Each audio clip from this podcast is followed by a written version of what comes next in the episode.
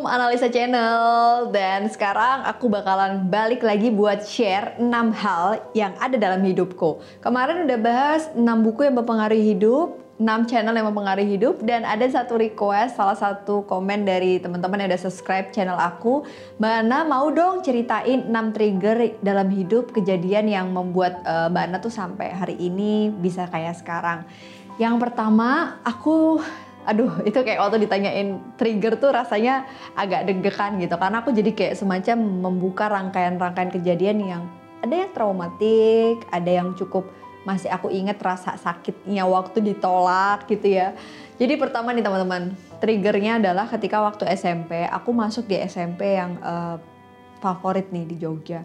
Waktu masuk SMP tuh kayak ranking 10 dari 400 siswa agak jumawa waktu SMP nggak pernah belajar aktif OSIS, aktif sana sini sampai akhirnya aku gagal masuk ke SMA yang aku pengen masukin. Di mana waktu itu kayak 80% teman-temanku sekelas tuh kayak pindah kelas gitu loh ke SMA tersebut. Dari SMP 5 ke SMA 3. Nah aku tuh gagal ditolak di SMA yang aku pengenin. Sampai akhirnya aku udah di SMA 3 kuadrat, SMA 9. Tapi aku bersyukur karena di SMA itu justru jadi titik balik aku buat oke okay, aku tidak bisa masuk ke SMA 3 tapi aku pengen banget ketemu teman-temanku di SMP 5 dulu jadi aku pengen untuk keterima di Gajah Mada. Jujur waktu itu kayak nggak mudah teman-teman karena rasanya analisa yang selama ini selalu berhasil, dia pikir selalu berhasil, gagal juga. Dan trigger itu ngebikin perjuanganku waktu mau masuk SM uh, ke kuliah itu kayak ada satu momen lagi trigger kedua gagal diterima di Fakultas Psikologi UGM. Waktu itu inget banget kata temenku yang lihat pengumuman secara online nama aku tuh ada. Tiba-tiba namanya nggak ada. Dan waktu aku mau daftar ulang kok nama aku udah nggak ada dan aku ingat banget ada momen aku nangis di depan ruang dekan Fakultas Psikologi UGM mungkin Pak Dekan masih ingat. Halo Prof. Nuroman aku nangis karena nama aku nggak ada. Terus tahu nggak sih teman-teman di saat waktu itu aku tuh kayak udah nggak peduli lagi sama UMPTN karena udah ngerasa keterima, aku les yang khusus buat ujian nasional. Nah, lesku udah aku ganti nih khusus mata pelajaran yang tiga untuk UN. Begitu aku nama aku nggak ada, tangisanku itu aku ingat support dari keluarga, support dari mantan pacarku, suamiku. Dia nguatin aku, Mas Aji waktu itu bilang, aku yakin kok kalau kamu belajar lagi, tes lagi, kamu pasti keterima. Penguatan itu yang akhirnya ngebikin trigger kedua aku muncul, gagal diterima di Fakultas Psikologi tahap pertama, aku akhirnya ngambil les dua bimbel sekaligus. Satu bulan itu teman-teman tahu nggak sih aku pulang sekolah pagi, siang, sorenya itu aku les khusus UN, malamnya aku les UMPTN selama satu bulan nonstop. Dan masya Allah ternyata dari situ aku keterima di gelombang berikutnya di Fakultas Psikologi UGM dengan biaya yang jauh lebih murah. Dan aku ingat karena waktu itu hemat biayanya lumayan banyak, aku dan nazar waktu itu biaya itu untuk apa dan aku bisa uh, bayarin biaya umroh almarhum nenekku. Senang banget akhirnya masuk ke Fakultas Psikologi UGM terus uh, agak sedikit jumawa lagi. Ya namanya orang hidup ya. Kalau udah berhasil kadang-kadang kita lupa. But somehow kalau kita suffering gitu ya more suffering more religious gitu.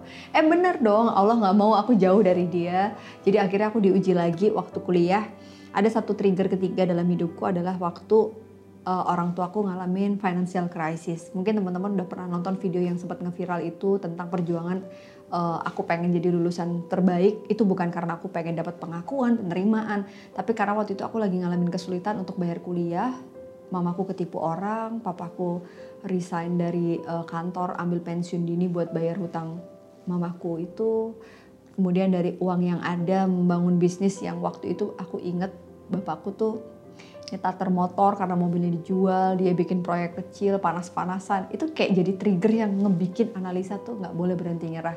Semester 6 dong teman-teman bayangkan, mau ngejar nilai itu susah banget gitu. Karena kenapa dia pengen jadi lulusan terbaik? Karena dia itu pengen ngejar tiga beasiswa gitu. Ibuku, mamaku yang nggak pernah ngerasain bangku kuliah, dia selalu bilang, mama nggak pernah kuliah mamaku S3, SD, SMP, SMA. Jadi kayak pengen banget anaknya itu sekolah setinggi mungkin. Itu yang selalu ditanemin sama kedua orang tuaku. Pendidikan, pendidikan, pendidikan. Mau kamu kerja apa pun, yang penting kamu harus dapat pendidikan terbaik dan sebaik mungkin sebisa orang tua kamu biayain.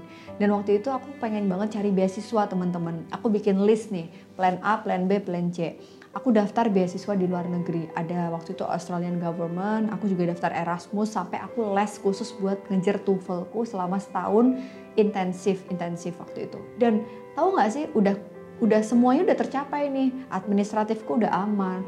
Aku daftarlah beasiswa-beasiswa itu dan trigger berikutnya adalah aku ditolak oleh semua beasiswa luar negeri. Rasanya down lagi. Ketika aku ngerasa kayak nilaiku udah bagus, kemudian TOEFLku juga udah bagus tapi aku ditolak bahkan nggak dipanggil sama sekali. Aku harus ngiklasin itu dan mengejar beasiswa berikutnya yaitu beasiswa dalam negeri.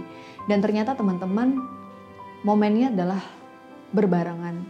Tuhan Allah selalu kasih kesedihan kadang berbarengan dengan kesenangan kebahagiaan.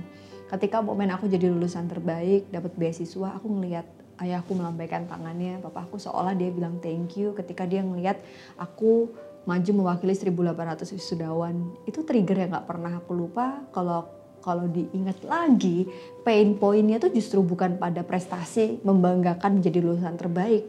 Tapi pain pointnya adalah ketika aku gagal berkali-kali untuk dapat beasiswa yang sampai akhirnya aku bisa dapat beasiswa untuk jadi profesi psikolog di dalam negeri di kampusku di UGM waktu itu. Dan ternyata trigger uh, kelima yang ngebikin aku cukup bisa punya mental yang kuat lagi adalah ijazahku sebagai lulusan terbaik ditutup. Aku lulus S2 di Fakultas Psikologi ngambil magister klinis. Waktu itu dapat penghargaan sebagai nilai tertinggi lagi, tapi tahu nggak sih nilai tertinggi itu hanya ada di ijazah.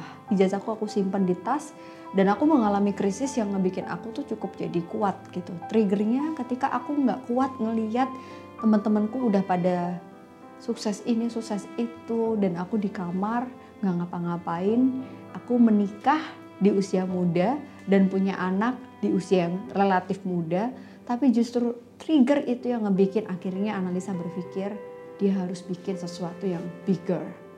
APDC aku bikin setelah trigger keenamku muncul di mana aku ngerasa orang yang saat itu ada di sekitarku, mereka yang sibuk, mereka yang keren, itu adalah definisi sukses tapi ketika dia punya trigger-trigger ngelihat aku punya anak kemudian pasanganku waktu itu juga apa ya masih merintis profesinya sebagai uh, wira swasta juga kesulitan ekonomi yang kami rasakan sebagai pengantin baru itu ngebikin trigger yang paling kuat untuk analisa memajukan mimpinya 10 tahun lebih cepat Tadinya aku berpikir mau bikin APDC itu nanti 10 tahun lagi, tapi ternyata dari kesulitan itu aku berpikir aku harus bisa ngebantu pasanganku nih buat bisa punya masa depan yang lebih baik untuk kedua orang kedua orang anakku karena trigger hamil kedua dengan usia anak yang relatif sangat dekat, Rafa 6 bulan aku hamil lagi, itu ngebikin aku juga jadi bisa survive dan sekuat ini.